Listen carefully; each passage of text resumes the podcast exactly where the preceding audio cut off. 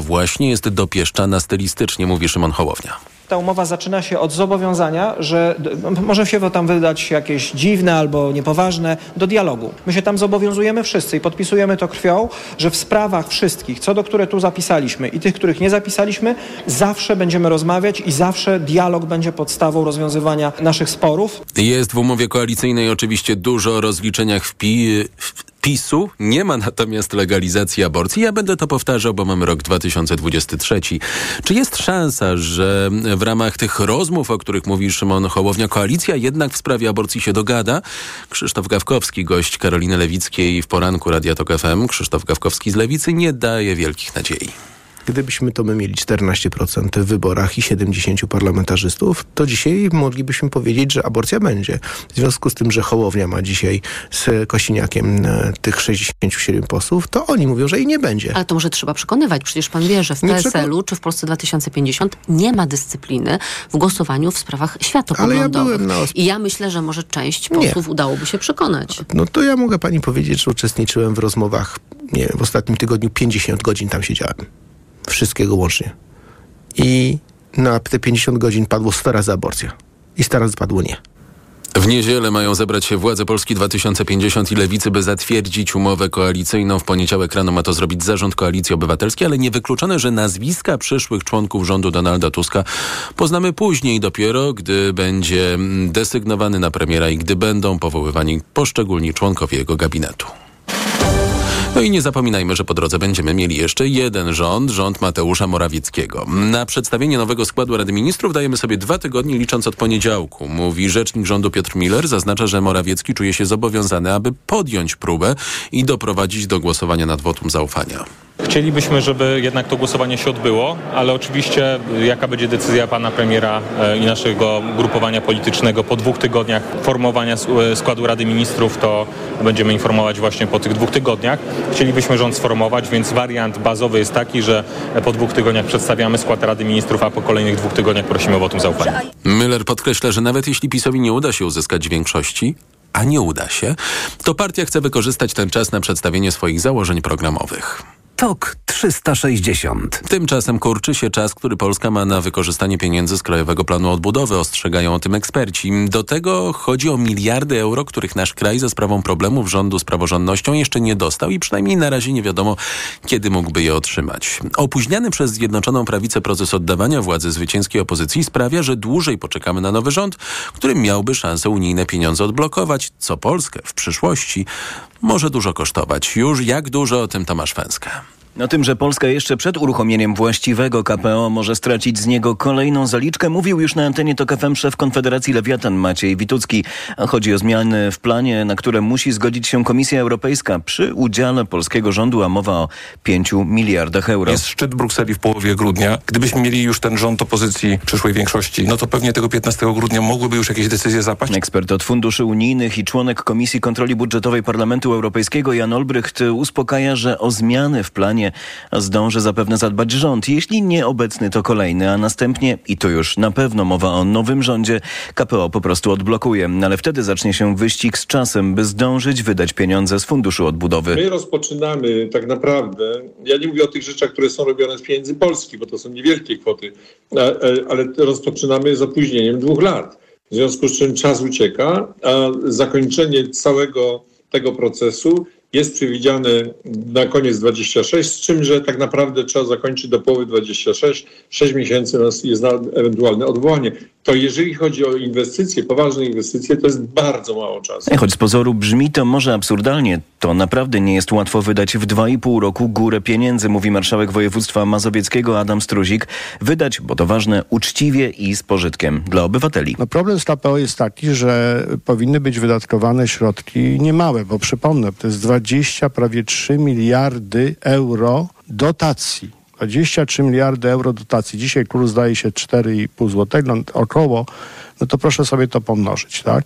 Mówimy tutaj o ponad 100 miliardach złotych na różne ważne inwestycje w formie dotacji bezzwrotnej. No do tego dochodzi około połowy tej kwoty w nisko oprocentowanych pożyczkach. Wiele wskazuje na to, że rewizja polskiego Krajowego Planu Odbudowy będzie jednym z pierwszych zadań stojących przed polskim rządem, gdy już odblokuje unijne pieniądze, bo 2,5 roku to może być za krótko, by rozpocząć i ukończyć część inwestycji. Pamiętajmy, że w KPO można refinansować rzeczy od roku 2020. Trzeba będzie dokładnie y, sprawdzić y, aktualny KPO, czy da się go zrobić do, do 2026. Jeżeli się go nie da zrobić, to moim zdaniem trzeba absolutnie siąść z samorządami, być może również z niektórymi przedsiębiorstwami i zastanowić się, czy są takie inwestycje, które gdyby zmienić KPO, że można by je zaliczyć. Nie ma innego wyjścia, tylko trzeba będzie dokładnie przejrzeć, inwestycje, które są realizowane w Polsce przez samorządy od roku 2020 i zastanowić się, czy któreś z nich nie mieszczą się w szeroko rozumianym KPO, który być może trzeba będzie zmienić. A w szeroko rozumianym KPO mieszczą się chociażby niektóre inwestycje w szpitale, szkoły, cyfryzację, infrastrukturę, transport publiczny czy czyste powietrze. Będziemy chcieli przedstawić naszemu rządowi takie inwestycje, które myśmy zrobili z własnych pieniędzy, które się łączą e, właśnie z tymi możliwościami zawartymi w KPO i przedstawić już faktury do, do refundacji. Mówi Adam Struzik, ale dodaje, że pokłada też nadzieję w przyszłym premierze Donaldzie Tusku. Że potrafi też przekonać naszych partnerów europejskich po pierwsze do szybkiego szybkiego uruchomienia tych pieniędzy, a po drugie no, do pewnej renegocjacji, która być może, powtarzam to warunkowo, no, wy, wy, pozwoli nam wydłużyć rozliczenia. Jan Olbrych ostrzega jednak, by na to nie liczyć. Przywołuje przy tym rozmowy z unijnymi komisarzami do spraw gospodarki i do spraw handlu, czyli Paolo Gentilonim i Waldisem Dąbrowskisem, e, którzy pytani o ewentualne wydłużenie terminu na realizację KPO we wtorek mówili krótko. Nie ma w ogóle takiej rozmowy. Znaczy w ogóle nie, nie bierzemy tego pod uwagę. W tej chwili jedyny przekaz do rządu idzie, róbcie wszystko, żeby zostało to skończone do, do roku 26. Kto nie zdąży, ten straci i obawy o to, czy uda się zdążyć, zgłaszają Komisji Europejskiej także inne kraje Unii, kraje, które projekty w ramach KPO zaczęły realizować już dwa lata temu. Tomasz Fenskę, TOK FM. Podsumowanie dnia w Radiu TOK FM. Byłem, widziałem, przekop widziałem, bo statków nie widziałem i nie było to wcale w środku zimy. Stąd nie dziwi mnie, że Najwyższa Izba Kontroli nie zostawia suchej nitki na przekopie Mierzei Wiślanej. Najpierw budżet inwestycji miał wynieść 880 milionów złotych, potem urósł do prawie 2 miliardów. To z kolei dowód na to, że projekt stracił uzasadnienie ekonomiczne.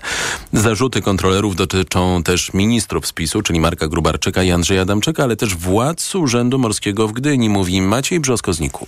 Dyrektor Urzędu e, Morskiego w Gdyni podnosił wydatki na program z przekroczeniem upoważnienia do dysponowania środkami oraz realizował istotną część skontrolowanych zadań inwestycyjnych z naruszeniem zasad legalności, rzetelności, gospodarności. Na ustalenia NIK odpowiada minister infrastruktury Andrzej Adamczyk. Twierdzi, że mają charakter polityczny. Na to z kolei odpowiada Marcin Mariański, rzecznik NIK-u bardzo łatwo stawiać takie zarzuty, natomiast e, w sytuacji, w której pokazujemy coraz częściej nieprawidłowości, jak zresztą sami Państwo widzicie po naszych kontrolach, no to najprościej jest bronić się właśnie w ten sposób.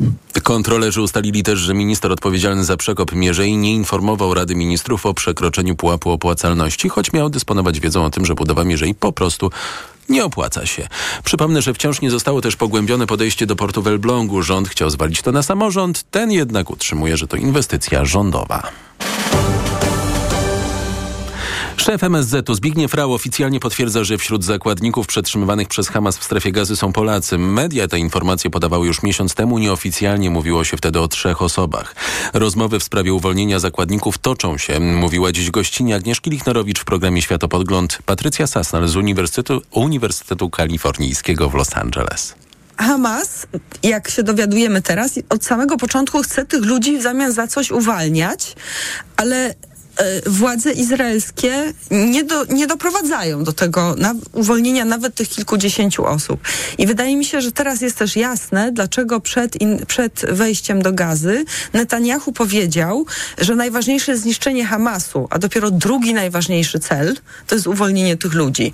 Bo oni są w stanie poświęcić nawet tych zakładników, bo sobie tak kalkulują, tak ja myślę, że Izrael kalkuluje, że jeżeli zabije tych ludzi Hamas, to całe to odium za, za wszystko spadnie na nich. E, wobec tego wizerunkowo to będzie, jest kosztowniejsze dla Hamasu niż utrzymywanie ich przy życiu.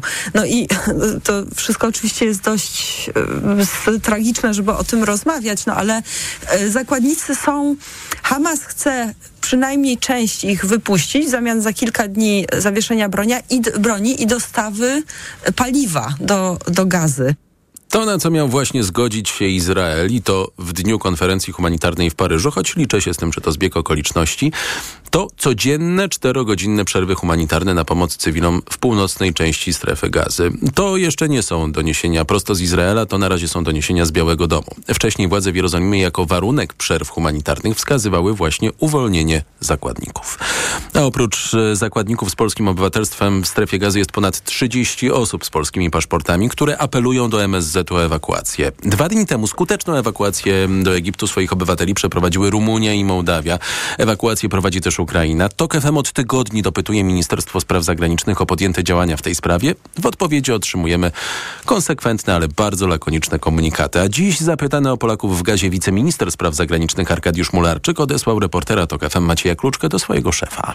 Czy polscy obywatele, którzy są w strefie gazy, mogą liczyć na podobnie skuteczną akcję ewakuacyjną, jak dwa dni temu przeprowadził rząd Rumunii i Mołdawii? Pewnie pan w ramach rozmów z ministrami i z szefem resortu może coś o tym wiedzieć. Te, te informacje e, koordynuje i prowadzi tę działalność pan minister Zbigniew Rał i do niego proszę się zwracać się z pytaniami w tej sprawie.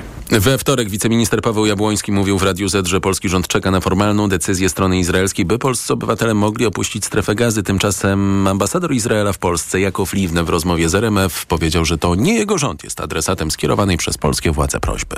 TOK 360. Powiało z zagranicznymi agentami na modłę Rosji. Premier Słowacji Robert Fico oświadczył dziś, że władze tego kraju nie będą wspierać organizacji pozarządowych szkodzących rządowi.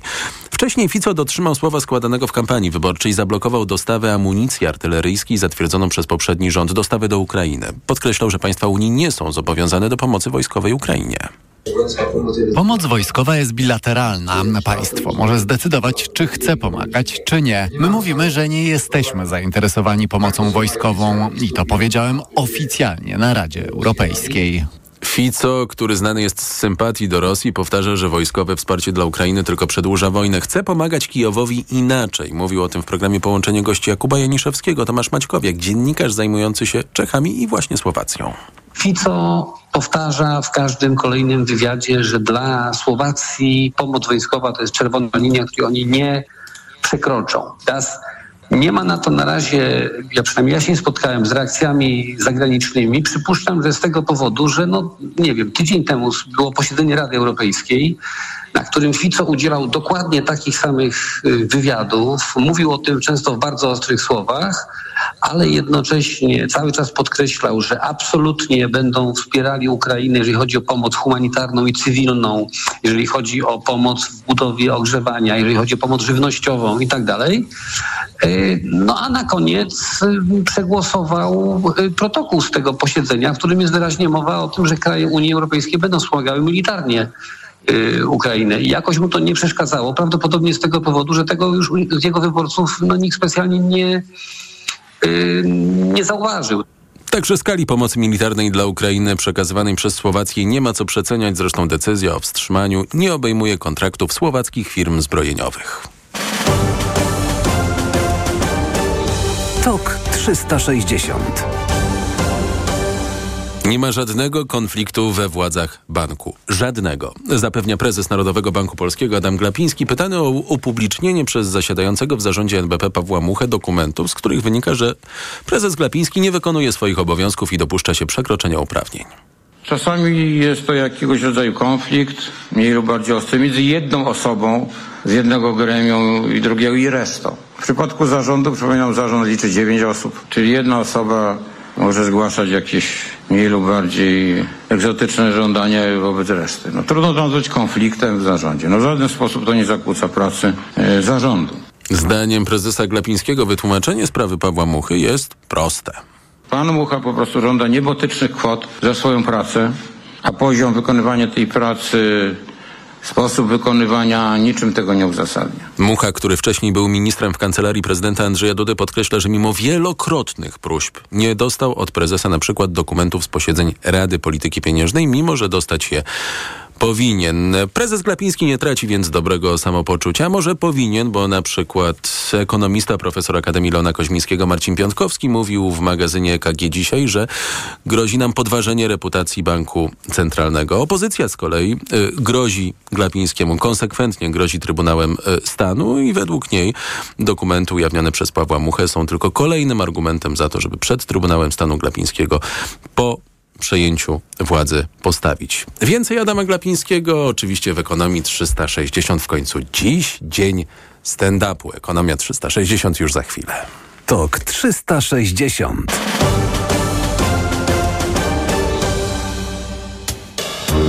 ośmiu latach kończy się pisowska noc. Czwarte zwycięstwo w dziełach naszej partii. W wyborach parlamentarnych. Dzisiaj już możemy powiedzieć, to jest koniec tego złego czasu, to jest koniec rządów PiSu. To jest naprawdę wielki sukces. No ale oczywiście przed nami jeszcze stoi pytanie o to, czy ten sukces będzie można zmienić w kolejną kadencję naszej władzy. I tego jeszcze w tej chwili nie wiemy. Oni po prostu cały czas próbowali wyciągnąć jakieś znaczone karty i przegrali tymi znaczonymi kartami. To jest wrażenie. Tak, no to jest w ogóle, w ogóle wstyd przegrać znaczonymi kartami i jeszcze przegrać. Ale musimy mieć nadzieję i musimy także wiedzieć, że niezależnie od tego, czy będziemy przy, przy władzy, czy będziemy w opozycji, to ten projekt będziemy na różne sposoby realizować i nie pozwolimy na to, by Polskę zdradzono. To jest jeden z najpiękniejszych dni polskiej demokracji. Nie mam co, żadnych wątpliwości. Radio TOK FM. Pierwsze radio informacyjne. Posłuchaj, aby zrozumieć.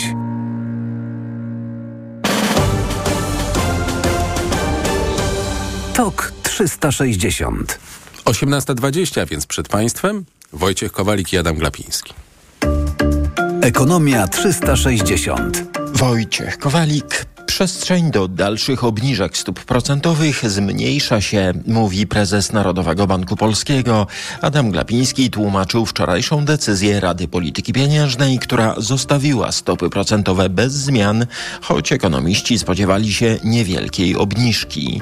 Ale jak mówi prezes NBP, na taki ruch wpłynęła niepewność co do dalszego obniżania inflacji oraz decyzji nowego rządu. Te decyzje dotyczące polityki finansowej będą wpływać zarówno na sytuację finansową gospodarstw domowych, ale i na budżet. Będą istotnym czynnikiem kształtującym koniunkturę i to, co nas interesuje w tym budynku, inflację. Dużymi literami bym wypisał tą niepewność. I że w obliczu tego utrzymanie stóp procentowych na niezmienionym poziomie jest jedyną możliwą decyzją.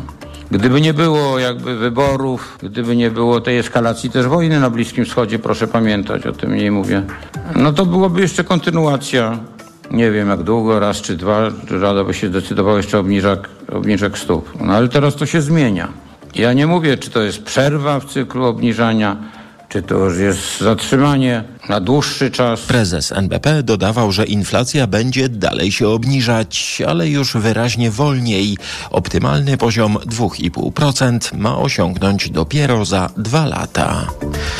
Na słowa prezesa NBP złoty zareagował wyraźnym umocnieniem, ale miejsca na dalsze spore umocnienie naszej waluty robi się coraz mniej, prognozuje Piotr Bielski, dyrektor Departamentu Analiz Ekonomicznych w Santander Bank Polska. Do końca przyszłego roku mamy szansę pewnie na jeszcze trochę mocniejszą walutę, ale też nieznacznie. Dlaczego mi się wydaje, że nie, nie będzie to duże umocnienie? Dlatego, że moim zdaniem teraz już złoty jest mocny. Generalnie przez ostatni no powiedzmy kilka kwartałów i polska waluta i ogólnie waluty w Europie Środkowo-Wschodniej dość znacznie się umocniły, szczególnie w takim, jak my mówimy, rea- w wyrażeniu realnym, czyli realne kursy walutowe, te takie skorygowane e, inflacją uległy mocnej, mocnemu aprecjacji, mocnemu, umocniły się. Co to oznacza? To podkopuje w pewien sposób konkurencyjność gospodarek. To jest pochodną tego, że mamy wysoką inflację, bardzo wysoki wzrost wynagrodzeń. Jednocześnie Europa jako całość, no, Polska też jakby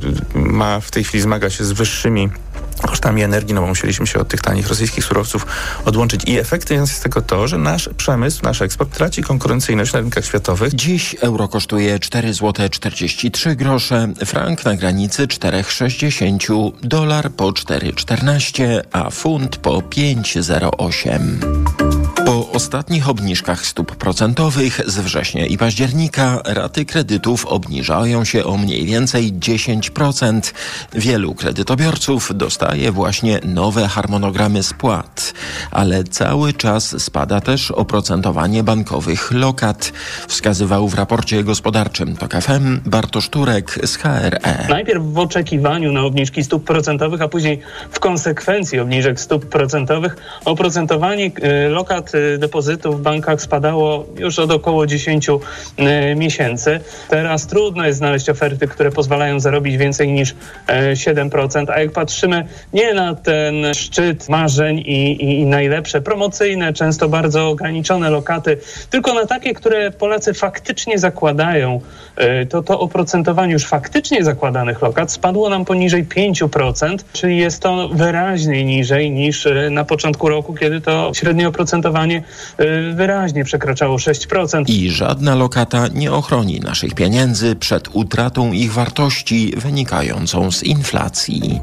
Tu Radio Tok FM, pierwsze radio informacyjne. Rosnące ceny paliw odbiją się na listopadowej inflacji, mówiła w Tok FM Marta Petka-Zagajewska, szefowa zespołu analiz makro w PKO Banku Polskim. Od niemal miesiąca, czyli od momentu wyborów, ceny paliw idą w górę cały czas. Średnia w skali kraju cena diesla osiąga już okolice 6 zł 70 groszy. To będzie miało wpływ na odczyt inflacji w całej gospodarce, podkreśla ekonomistka. W listopadzie my szacujemy, że średnio miesięcznie ten poziom cen paliw będzie jakieś 8% wyższy niż w październiku. I jak to się przełoży na wskaźnik? E, to będzie oznaczało, że tak jak w październiku ceny paliw rok do roku było 15% niższe, no to w listopadzie to będzie jakieś 6% niższe. Udział paliw w koszyku to jest jakieś 6%, no więc no to sukcesywnie będzie nam tą inflację podbijało i to będzie między innymi jeden z elementów, który sprawia, że taki okres relatywnie szybkiej i łatwiej dezinflacji w październiku się zakończył i w listopadzie mamy szansę zobaczyć inflację na zbliżonym poziomie do października albo nawet nieznacznie wyższą niż to, co było w październiku. W październiku, przypomnę, inflacja spadła do 6,5%. Wciąż spadają ceny materiałów budowlanych. W październiku obniżyły się przeciętnie o 0,3% w skali roku, podają polskie składy budowlane. Najmocniej tanieją wciąż płyty OSB i drewno o 1 czwartą, ale ten spadek cen następuje po mocnych wzrostach sprzed półtora roku, dwóch lat. W mniejszej skali tanieją dachy, rynny, izolacje termiczne. Drożeją natomiast cement i wapno o blisko 20% w skali roku, o kilka procent również farby lakiery i chemia budowlana. Ekonomia 360. Pogoda. Jutro przewaga chmur na wschodzie bez opadów, w pozostałych regionach możliwe albo słaby, albo tak jak na Śląsku, Opolszczyźnie i Ziemi Łódzkiej, całkiem solidny deszcz. Wysoko w górach, jak to o tej porze roku już może padać śnieg, a na termometrach od 8 stopni na północnym wschodzie do 12 na południu i południowym zachodzie. Radio TOK FM. Pierwsze radio informacyjne. TOK 360. To na razie są doniesienia z Białego Domu, jeszcze nie z Jerozolimy, że Izrael zgodził się na codzienne czterogodzinne przerwy humanitarne w walkach na północy strefy gazy. Moim gościem w TOK 360 za chwilę będzie Michał Wojnarowicz, analityk Polskiego Instytutu Spraw Międzynarodowych.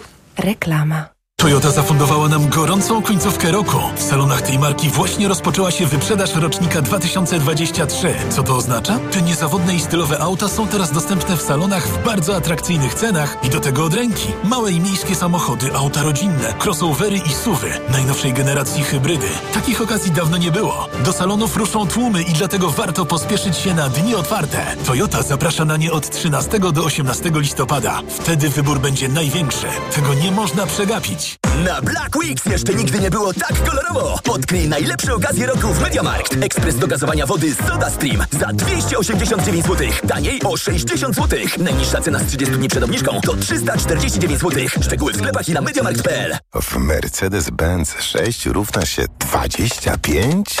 tak! W Mercedes-Benz 6 równa się 25. Jeśli masz Mercedesa starszego niż 6 lat, skorzystaj z przeglądów i wybranych usług w autoryzowanych serwisach do 25% taniej. Zaufaj naszym ekspertom i podaruj drugą nowość swojemu Mercedesowi dzięki programowi Service Select. Do 25% korzyści w dowolnym momencie. Odwiedź autoryzowany serwis Mercedes-Benz lub wejdź na mercedes-benz.pl zakładka serwis. Gotowi na mega okazję? Black Weeks w Media Expert. Na przykład pralka Electrolux, funkcje parowe w supercenie za 1199 zł. Energooszczędna suszarka Electrolux z pompą ciepła. Najniższa cena z ostatnich 30 dni przed obniżką 2799 zł 99 groszy. Teraz za jedyne 2099 z kodem rabatowym taniej o 700 zł. Black Weeks w Media Expert. Dlaczego wybieramy Vitotal dla kobiet? Zawiera aż 23 witaminy i minerały w wysokich dawkach. Vitotal dla kobiet kompleksowo wzmacnia organizm. Jod i selen wspomagają prawidłowe funkcjonowanie tarczycy. Nie muszę martwić się celulitem i moją sylwetką. Wyciąg z winogron pomaga utrzymać wagę. Vitotal dla kobiet zawiera też wyciąg ze skrzypu polnego, który sprawia, że moje włosy są piękne, a paznokcie zdrowe. Suplement diety Vitotal dla kobiet. Więcej niż witaminy. Aflofarm. Renault. Sukces w biznesie można odnieść tylko wtedy, gdy dokładnie rozumie się potrzeby klientów. Właśnie dlatego Renault jest liderem kategorii samochodów dostawczych w Polsce. Ponad milion opcji zabudowy, szeroka gama samochodów, nawet 29,6 metra sześciennego przestrzeni ładunkowej i wydłużone godziny pracy w serwisach Renault Pro Plus. Samochody dostawcze Renault dostępne od ręki w leasingu 101,5%. Szczegóły w salonach i na dla biznesu Renault.pl. Kasiu, nawet nie spróbowałaś gołąbków. Tak, bo wiesz, boję się, że będzie mi ciężko na żołądku. To może kawałek serniczka? To moja specjalność. Nie mogę, bo wiesz, dbam o linię. Kochana, przecież jest Trawisto Slim. Suplement diety Trawisto Slim zawiera wyciąg z owoców kopru, który wspiera trawienie oraz proszek z opuncji figowej, który wspomaga utrzymanie prawidłowej wagi. Oj, Olu, ty to umiesz mnie przekonać. To Trawisto to sprawdzone rozwiązanie. Trawisto. I trawisz to. Aflofarm. Dania Frosty. Wiemy, co robić, by były pyszne. Przygotowujemy je z naturalnych składników, bez dodatków do żywności. A ty wiesz, co z nimi zrobić? Na patelni i gotowe. Dania Frosty. Jest pysznie. Frosta. Smaczna i prosta. Tylko teraz w Mediamarkt. Rabaty nawet do 10 tysięcy złotych na laptopy, smartfony i inne wybrane kategorie. Kup w zestawie minimum dwa produkty, a im więcej wydajesz, tym wyższy rabat dostajesz. Szczegóły i regulamin w sklepach i na mediamarkt.pl. Let's go! Mediamarkt. Reklama. TOK 360 A gościem TOK 360 jest Michał Wojnarowicz, analityk Polskiego Instytutu Spraw Międzynarodowych. Dobry wieczór. Dobry wieczór, panie redaktorze. Rozumiemy, że Izrael zacznie wdrażać czterogodzinne przerwy na obszarach północnej Gazy każdego dnia z ogłoszeniem trzy godziny wcześniej. Izraelczycy powiedzieli nam, że nie będzie na tych obszarach żadnych działań militarnych w tym czasie i że ten proces zaczyna się dziś, oznajmił rzecznik Rady Bezpieczeństwa Narodowego USA John Kirby podczas e, spotkania e, z dziennikarzami. E, Nie mamy jeszcze potwierdzenia tych informacji ze strony władz Izraela. Czy tutaj się doszukiwać e, sukcesu amerykańskich nacisków, czy może mm, jakiegoś sukcesu skazywanej na porażkę konferencji humanitarnej, która odbywa się dziś w Paryżu? Raczej wskazałbym ten y, pierwszy czynnik. Amerykanie dość konsekwentnie y, i kanałami nieoficjalnymi, i też już otwarcie publicznie mocno naciskają na Izrael, żeby jednak ten aspekt humanitarny, żeby aspekt pomocy dla ludności cywilnej, żeby właśnie jakiś element chociaż krótkotrwałego zawieszenia broni został wprowadzony, tak żeby właśnie tym cywilom na miejscu pomóc. I to Stany Zjednoczone tak naprawdę wciąż największe przełożenie na, na, na obecne izraelskie władze. Takim sygnałem może być chociażby to, że w końcu udało się wydusić od Benjamin Netanyahu pewne potępienie chociażby działań osadników żydowskich na zachodnim brzegu. Więc tutaj faktycznie myślę, że konferencja swoją drogą odgrywa istotną rolę w tej, w tej całej obecnej sytuacji, ale zawieszenie broni to moim zdaniem przede wszystkim mm, zasługa amerykańskiej dyplomacji. Mówi pan o istotnej roli, jaką odgrywa y, ta konferencja pokojowa. Tak jak słuchałem komentarzy jeszcze przed konferencją, y, to raczej nie dawały one wielkich nadziei. No przede wszystkim chodzi o to, że jednak e, społeczność międzynarodowa jakoś podejmuje działania, że nie zostawia tej sprawy e, zupełnie po tych wszystkich wizytach, po tych wszystkich deklaracjach, e, nie zostawia tego, żeby te sprawy toczyły się jakby swoim, swoim torem. Też dość istotne było moim zdaniem no, potwierdzenie, to też pada jakby z wielu, z wielu źródeł, z wielu, od, od wielu osób, tak, to, to co chociażby powiedział prezydent Macron, tak, to, to potwierdzenie, że jakby ta autonomia palestyńska jest tutaj tym głównym, głównym rozmówcą, głównym jakby stroną palestyńską tak naprawdę, że to oni reprezentują tak naprawdę Palestyńczyków, a nie, a nie Hamas. No, potrzeby Potrzeby humanitarne strefy gazy będą na pewno rosnąć, stąd y, ta konferencja na pewno nie będzie jedyną, ale też jakby no, pewien poziom koordynacji, pewien też no, zakres, chociażby mm, zakres działania, czy po prostu no, uwzględnienie wielu państw w jej trakcie, no to też jest jakiś, no jakiś no dobry sygnał. Tak oczywiście e, to dalej, jakby potrzeby humanitarne jedną, jedną sytuację, są jedną, stroną, a e, sytuacja jakby na miejscu jakby konkretnie konflikt między Izraelem a Hamasem jest, jest tam drugą. Czy w decyzjach, które dziś zapadają i w, w tych praktycznych, jak i symbolicznych, czy, czy możemy doszukiwać się nadziei dla zakładników, którzy są więzieni przez Hamas w strefie gazy? Bo dotąd e, Izrael deklarował, że przerw humanitarnych humanitarnych y, nie będzie, y, jeżeli zakładnicy nie zostaną uwolnieni. Nie mamy żadnych doniesień o uwolnieniu zakładników. Są przerwy humanitarne. Czy jest zatem nadzieja dla, na uwolnienie zakładników? Owszem, wydaje się, że coś takiego może mieć miejsce. Pytanie właśnie o mm, tak naprawdę sekwencję, tak? Co miało nastąpić najpierw, bo to też jest element element no, tak naprawdę gry tak między stronami, tak? Czy najpierw zawieszamy broń, czy najpierw uwalniamy zakładników i potem jakby, um, potem jakby ci ludzie są uwolnieni. E, zostały e, ogłoszone, czy zostały jakby upublicznione jakby dwa kolejne nagrania z, z zakładnikami, także no to też jest element tej, tej gry, gry psychologicznej.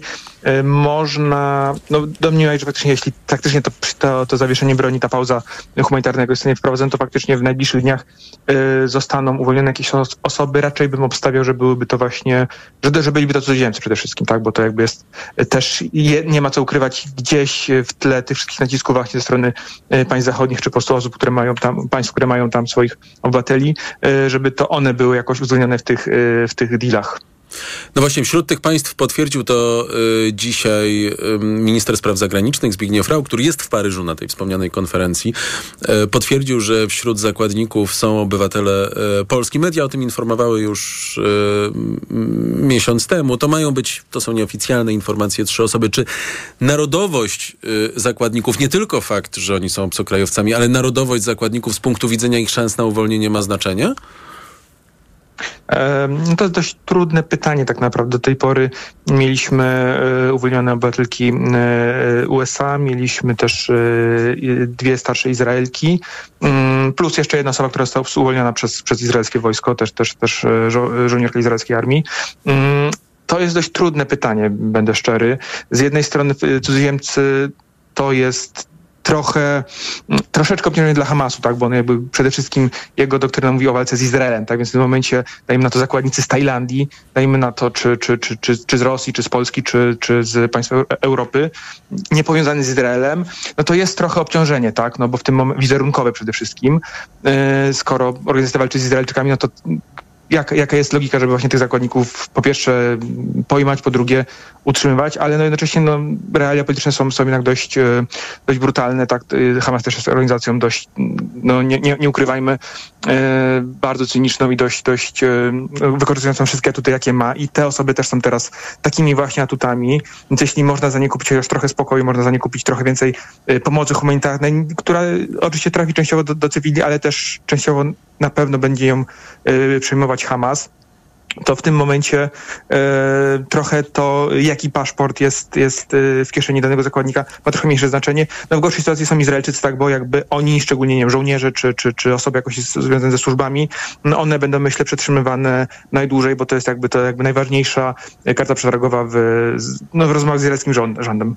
Bardzo dziękuję. Michał Wojnarowicz, analityk Polskiego Instytutu Spraw Międzynarodowych, był gościem TOK 360. Za chwilę Marcin Majs z serwisu niebezpiecznik.pl o odkrytej w siedzibie Naczelnego Sądu Administracyjnego w Warszawie kopalni kryptowalut. Reklama. RTV Euro AGD. Rewelacja! Teraz w euro. Aż pół roku nie płacisz. Do 40 lat 0% na cały asortyment. RRSO 0%. Promocja tylko do wtorku. Szczegóły i regulamin w sklepach i na euro.com.pl. Jesteś osobą, która przygląda się temu, co robią władze lokalne? Wiesz, że nie tylko politycy z pierwszych stron gazet decydują o naszym codziennym życiu? Interesuje Cię, jak gmina walczy ze smogiem, dlaczego wycina się drzewa i ile prezydent Twojego miasta wydał na festyn? Wejdź na www.sieciobywatelska.pl. Wyślij swoje zgłoszenie do Szkoły Inicjatyw Strażniczych. Nauczymy Cię, jak skutecznie patrzeć władzy na ręce i wpływać na jej decyzje. Moja mama mówi, że nadchodzi jakaś formacja. Chyba transformacja. No tak, to będą naprawdę czyste energie. Takie ze słońca, wiatru. Słyszałam, że energia atomowa to nasza przyszłość. To się wydarzy już wkrótce. W końcu niezależność, pełna moc. Wow!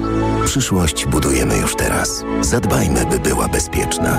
Kampania Ministerstwa Klimatu i Środowiska sfinansowana ze środków Narodowego Funduszu Ochrony Środowiska i Gospodarki Wodnej. Paliłam od lat. Myślałam, że nigdy nie rzucę. W końcu kupiłam Desmoxan. Kuracja trwała tylko 25 dni, a piątego dnia już nie paliłam. Dzięki Desmoxanowi już mnie nie ciągnie do nikotyny. Nie czekaj, też kup Desmoxan i rzuć palenie. Cytyzyna 1,5 mg tabletki przeciwwskazania. Nadwrażliwość na którąkolwiek substancję. Niestabilna dławica piersiowa. Zaburzenia rytmu serca. Niedawno przybyty zawał serca lub udar mózgu. Ciąża, karmienie piersią. Przed użyciem zapoznaj się z treścią ulotki dołączonej do opakowania bądź skonsultuj się z lekarzem lub farmaceutą, gdyż każdy lek niewłaściwie stosowany zagraża Twojemu życiu lub zdrowiu. Aflofarm. Czyli mówię pierwsze zdania, potem ktoś drugim głosem czyta warunki i tak dalej. Dobrze rozumiem? Nie, nie potrzebujemy drugiego głosu, wiesz, wprost ci siła. Po prostu powiedz całość. Okej. Okay. Dobra, to jedziemy. Dacia Sandero Stepway. Postaw na to, co istotne. Na przykład LPG. Wybierz Dacia Sandero Stepway Eco G z fabryczną instalacją LPG w cenie wersji benzynowej. Umów się na jazdę testową. Szczegóły w salonach i na dacia.pl. Co to jest? Duże lub małe? Na paletach? Zawinięte w folię? Niespodzianka!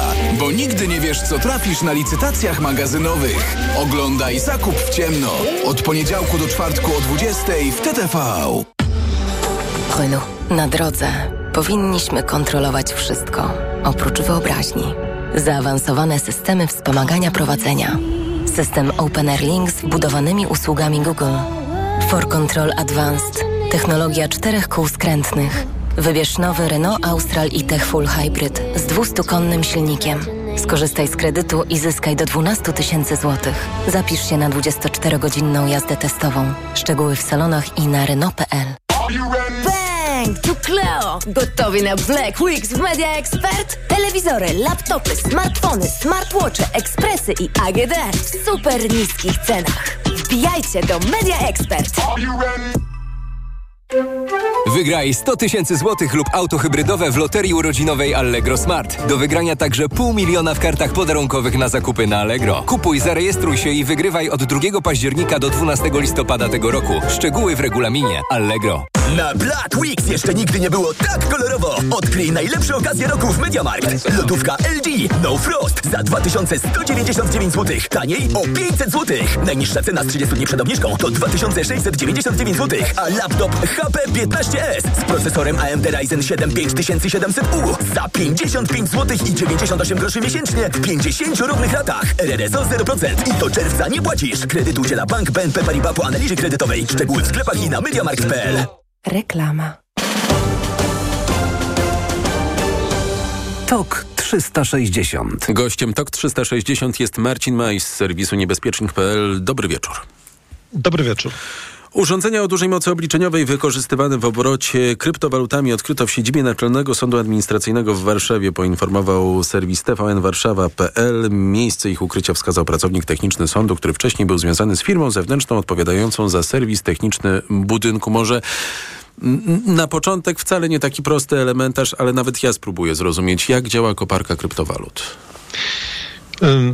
Powiedzmy tak, cały system kryptowalut, jakaby to kryptowaluta nie była, przewiduje, że od czasu do czasu to cyfrowe złoto jest wykopywane i e, wykopują je komputery, które rozwiązują coś, co nazywamy zagadką kryptograficzną. Czyli powiedzmy tak, tworzymy system cyfrowego złota, w którym jest go ograniczona ilość, ale co jakiś czas musimy do tego systemu trochę dorzucić, więc um, zaprzęgamy te komputery do tego, żeby udostępniały swoją moc obliczeniową całemu systemowi, ale jednocześnie nagradzamy je za, y, od czasu do czasu za to, że tą moc obliczeniową przekazują, bo istotnie nie myślimy o tym, ale bitcoiny czy inne kryptowaluty wymagają dużej mocy obliczeniowej, wymagają komputerów, no i jakoś musimy nagrodzić e, tych, którzy zdecydują się udostępnić te zasoby, bo gdyby tych zasobów nie było, to system nie mógłby funkcjonować. Czyli opłaca się taką koparkę y,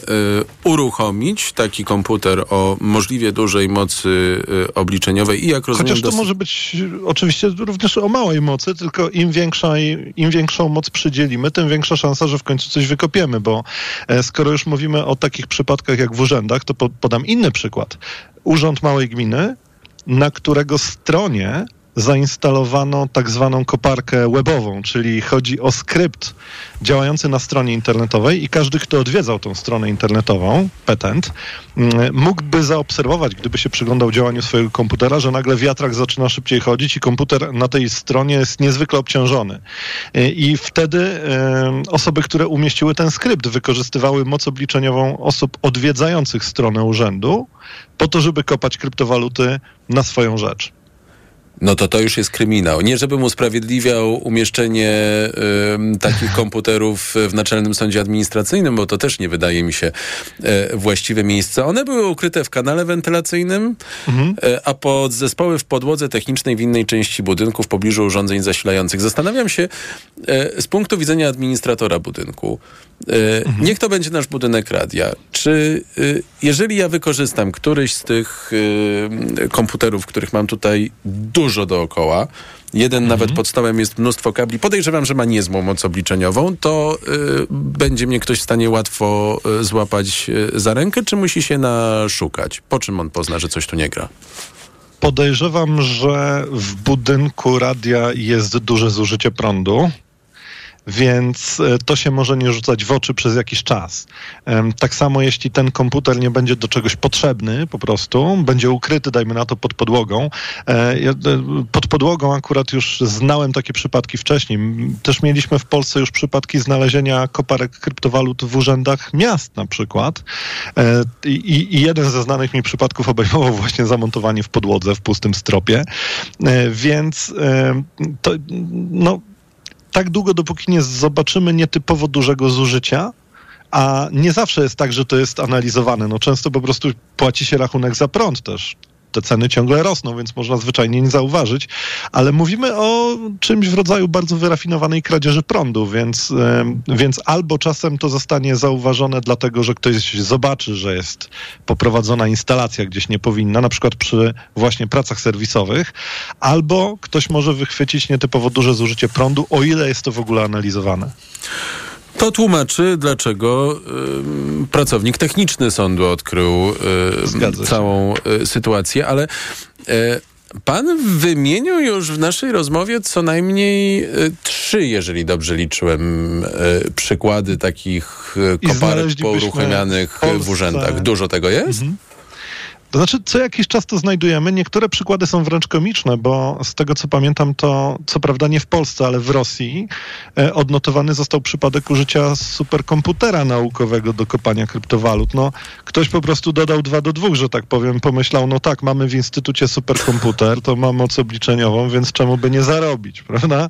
Więc e, to jest coś, co obserwujemy na całym świecie, bo też e, przykłady instalowania na lewo, bo w zasadzie powiedz, może powiedzmy o tym tak.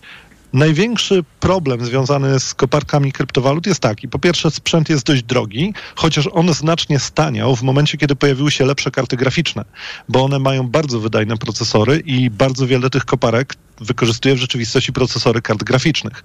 Natomiast e, Drugi problem to jest prąd, jeśli chodzi o opłacalność. No i teraz jest ta pokusa, żeby po prostu wykorzystać prąd, który mamy, czy to służbowo, czy gdzieś podpięty na lewo. A złapać trudno, jak rozumiem. Złapać trudno, tak jak mówimy, albo kwestie serwisowe, albo wychwycenie nietypowego zużycia. Marcin Maj z serwisu niebezpiecznik.pl był gościem TOK 360. Bardzo dziękuję. Anna Mazurczak za chwilę z kancelarii Knut Mazurczak i Polskiego Towarzystwa Prawa Antydyskryminacyjnego z hmm, chyba kolejnym małym sukcesem w walce e, o prawa społeczności LGBT.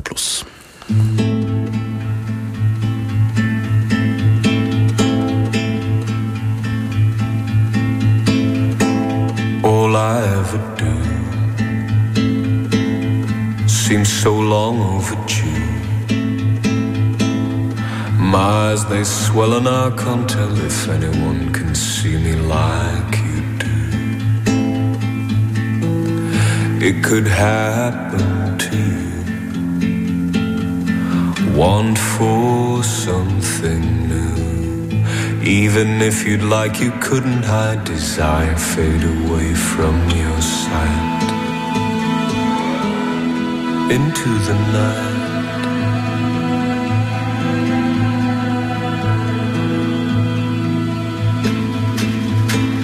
Took us by surprise, shook with all its might. I wonder how you see yourself when I'm not around, standing by your side. You deserve what is. No shackles hold your flight. Where one and two join up to choose the choices are never made light. Into the night. I try to read between the lines that carry your smiles, your lessons unfold over time. And I know you're right, letting go of the past. Times they change and change, it seems so fast, too fast.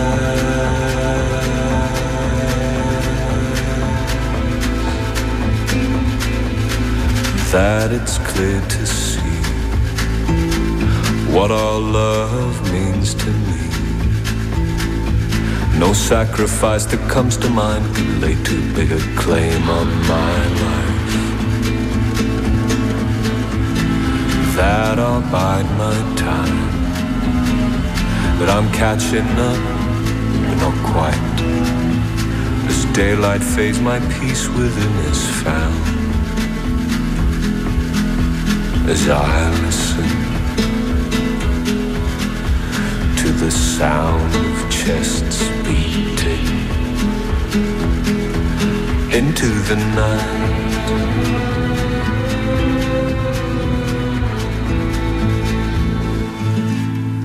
Tok 360. Gościnią TOK 360 jest teraz zgodnie z obietnicą Anna Mazurczak z kancelarii Knut Mazurczak Polskiego Towarzystwa Prawa Antydyskryminacyjnego. Dobry wieczór.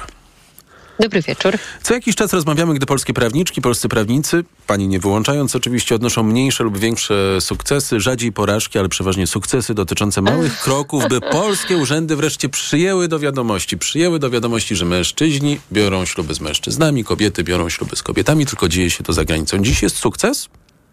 Tak, to znaczy właściwie wczoraj jest sukces i bardzo, bardzo się cieszę, bo już naprawdę nie wierzyłam, że to się wydarzy, dlatego że wczoraj Naczelny Sąd Administracyjny zdecydował po wielu latach namawiania go, że może już doszliśmy do takiego momentu, że skoro przez te wszystkie lata w naszym y, kraju nic się nie zmieniło i parę tej samej płci nadal nie mogą zawrzeć związków małżeńskich, no być może należy skierować sprawę do Trybunału w Luksemburgu, czyli do Sądu Unii Europejskiej, który wypowie się na ten temat, czy to jest ok, czy nie ok, że Polska od lat nie uznaje zagranicznych małżeństw jednopłciowych. Więc cieszymy się z tego bardzo, dlatego że Trybunał już się w podobnej sprawie wypowiadał e, pięć lat temu i to była sprawa rumuńska, gdzie oczywiście powiedział, że istnieje taki obowiązek zarejestrowania takiego małżeństwa zawartego za granicą, nawet jeśli państwo członkowskie nie przewiduje takich małżeństw jednopłciowych. Więc spodziewamy się po prostu pozytywnej odpowiedzi. No i e, od takiej dziwnej strony trochę e, będziemy wprowadzać powoli równość małżeńską w Polsce. Taki jest plan. Mm, że tak powiem, to ostrze tego wniosku jest bardzo precyzyjnie tak. skierowane, bo ono jest skierowane w zasadę w zasady swobody przepływu osób na terytorium tak Unii Europejskiej. Tak. Dlaczego tak? Dlatego, że no, sąd w Luksemburgu, on się nie może wypowiadać na jakikolwiek temat jakiejkolwiek sprawy polskiej, tylko to musi być sprawa, w którą jest w jakiś sposób e, włączone prawo Unii Europejskiej. Więc e, to prawo Unii Europejskiej dlatego e, stosowaliśmy w tej sprawie, że sprawa dotyczy dwóch chłopaków, obywateli Polski, z których jeden ma obywatelstwo Niemiec także. I teraz on ma taki problem, że ma dwa różne stany cywilne. Ma stan cywilny kawaler w Polsce i stan cywilny zamężny w Niemczech. Plus w Niemczech ym, zmienił nazwisko, przyjął podwójne nazwisko po zawarciu związku małżeńskiego i też zmienił nazwisko w Polsce, ale y, zmieniło się w Polsce jego nazwisko rodowe, a w Niemczech nie. No nie? Czyli tak jak kiedy człowiek zawiera związek małżeński i zmienia nazwisko po ślubie, to wtedy jego rodowe nazwisko no, jest niezmienione. Więc jakby te różnice spowodowały, że miał po prostu mnóstwo problemów w swoim życiu zawodowym. I dzięki temu, że miał te problemy w życiu zawodowym, prawo Unii Europejskiej właśnie ma zastosowanie, ponieważ twierdzimy, że w ten sposób ograniczono, utrudniono mu tą swobodę przemieszczania się, czyli tą swobodę e, mieszkania, pracowania w dowolnym e, państwie Unii Europejskiej. E, no i dzięki temu, że mamy właśnie tutaj ten wytrych prawa unijnego, mogliśmy sprawę skierować do Luksemburga i jakby tą stroną trochę zmusić Polskę Polskę wreszcie do skonfrontowania się z tematem małżeństw jednopłciowych. Z rzeczywistością. Ja sobie wyobrażam, że te komplikacje przy mm, tak pomieszanej sprawie nazwisk e, rodowych, e, stanów cywilnych. I stan cywilny przede wszystkim, no bo trudno jest czasem zidentyfikować tożsamość jakiejś osoby, tak? Dlatego, że właśnie stan cywilny to jest dosyć istotny element tożsamości człowieka, który też właśnie pozwala identyfikować państwom unijnym obywateli. Pacjent gov.pl by zwariował w tej sytuacji, prawdopodobnie. No, prawdopodobnie tak. Jaki jest następny krok y, tej sprawy? Kiedy spodziewać się orzeczenia CUE i gdy to orzeczenie, jak tak. się pani spodziewa, y, pozytywne y, zapadnie, jakie to dokładnie będzie rodziło konsekwencje w Polsce? Ja się dlatego tak cieszę w ogóle, że ta sprawa trafiła do Luksemburga, że takich spraw w Trybunale z kolei w Strasburgu mamy już mnóstwo i czekamy po prostu od, nie wiem, 8-10 lat na wyroki a nic się nie dzieje. A Trybunał w Luksemburgu działa o wiele szybciej, plus ten wyrok, który wyda, będzie wiążący dla sądu administracyjnego w Polsce. Więc jeżeli Trybunał w Luksemburgu powie halo, halo Polsko, no niestety miałaś dosyć dużo czasu na uregulowanie tej kwestii, nie zrobiłaś tego, więc oto rejestruj te małżeństwa jednopłciowe zagraniczne, to sąd administracyjny oczywiście wyda wyrok, z którego będzie wynikało, że taki obowiązek istnieje i wierzę, że te wszystkie pary, które do tej pory spotykały się z odmowami urzędów stanu cywilnego, będą mogły jednak te akty małżeństwa zarejestrować w Polsce. I y, ja się też dlatego tak cieszę, że wtedy, kiedy powstaną już polskie akty małżeństw jednopłciowych, zaczniemy się oczywiście po kolei upominać o wszystkie te uprawnienia, które w Polsce przysługują małżonkom. Więc y, skoro nie mogliśmy się doczekać reakcji ustawodawcy przez te wszystkie lata, żaden rząd właściwie um, takiej propozycji na stole nie położył równości małżeńskiej, no to po prostu będziemy próbowali um, wyszarpać jakby tę równość małżeńską w sądach. Bardzo dziękuję. Anna Mazurczak z Kancelarii Knut Mazurczak była gościnią TOK 360, również z Polskiego Towarzystwa Prawa Antydyskryminacyjnego. Za chwilę najświeższe informacje po nich o zakończonym strajku aktorów w Hollywood. Reklama. RTV Euro AGD. Trwa Black Friday Weeks. Tysiące okazji i pół roku nie płacisz. Do 40 lat 0% na cały asortyment. RRSO 0%. Automatyczny ekspres ciśnieniowy Krux. Najniższa cena z ostatnich 30 dni przed obniżką to 3749. Teraz za 3699 zł. A w 40 latach tylko 93 zł miesięcznie. Promocja ratalna tylko do wtorku. Szczegóły i regulamin w sklepach i na euro.com.pl. Koniec roku? Czas na zmiany. Odważna stylistyka, nowoczesna technologia oraz frajda z jazdy czekają na Ciebie. Opel Astra, Mokka i dostawcze Mowano z wyprzedaży rocznika 2023 są jeszcze dostępne. Wyjedź z salonu swoim nowiutkim Oplem przed nowym rokiem. Największy wybór masz na początku akcji. Z finansowaniem w pożyczce 50 na 50 RRSO 0% lub w leasingu 101% dla firm. Sprawdź dostępne oferty u swojego dealera lub na opel.pl. O, masz łupież. A czy wiesz, że jego najczęstszą przyczyną są grzyby? Właśnie dlatego zastosuj szampon leczniczy Zoxin Med, który zwalcza aż 11 rodzajów grzybów. Którykolwiek z nich zaatakuje skórę twojej głowy, Zoxin Med będzie właściwym rozwiązaniem. Zoxin Med, twój lek na łupież. Zoxin Med 1 ml zawiera 200 mg ketokonazolu. Przeciwwskazania nadwrażliwości na którąkolwiek substancję. Przed użyciem zapoznaj się z treścią lotki dołączonej do opakowania bądź skonsultuj się z lekarzem lub farmaceutą, gdyż każdy lek niewłaściwie stosowany zagraża twojemu życiu lub zdrowiu. Nie było, nie było, nie było, ale wreszcie są! Casto Weeks w Castoramie. Łap okazję tylko do 28 listopada. Odbierz aż 40 zł na kupon przy zakupie 5 litrów farb kolorowych Dulux. Takie okazje czekają tylko do 28 listopada. Szczegóły w regulaminie w sklepach i na castorama.pl. Jesienią jest tyle do zobaczenia, zrobienia, przeczytania, ale nawet w dzień brakuje naturalnego światła i w takich warunkach dobry wzrok jest nam szczególnie potrzebny. Dlatego sprawdź, czy dobrze widzisz. Przyjdź do Vision Express. A teraz przy zakupie okularów do korekcji wzroku otrzymasz aż do 50% zniżki na soczewki, w tym progresywne. To się wyraźnie opłaca. Do zobaczenia w Vision Express. Szczegóły i regulamin akcji dostępne w salonie i na visionexpress.pl. To jest wyrób medyczny. Używaj go zgodnie z instrukcją używania lub etykietą.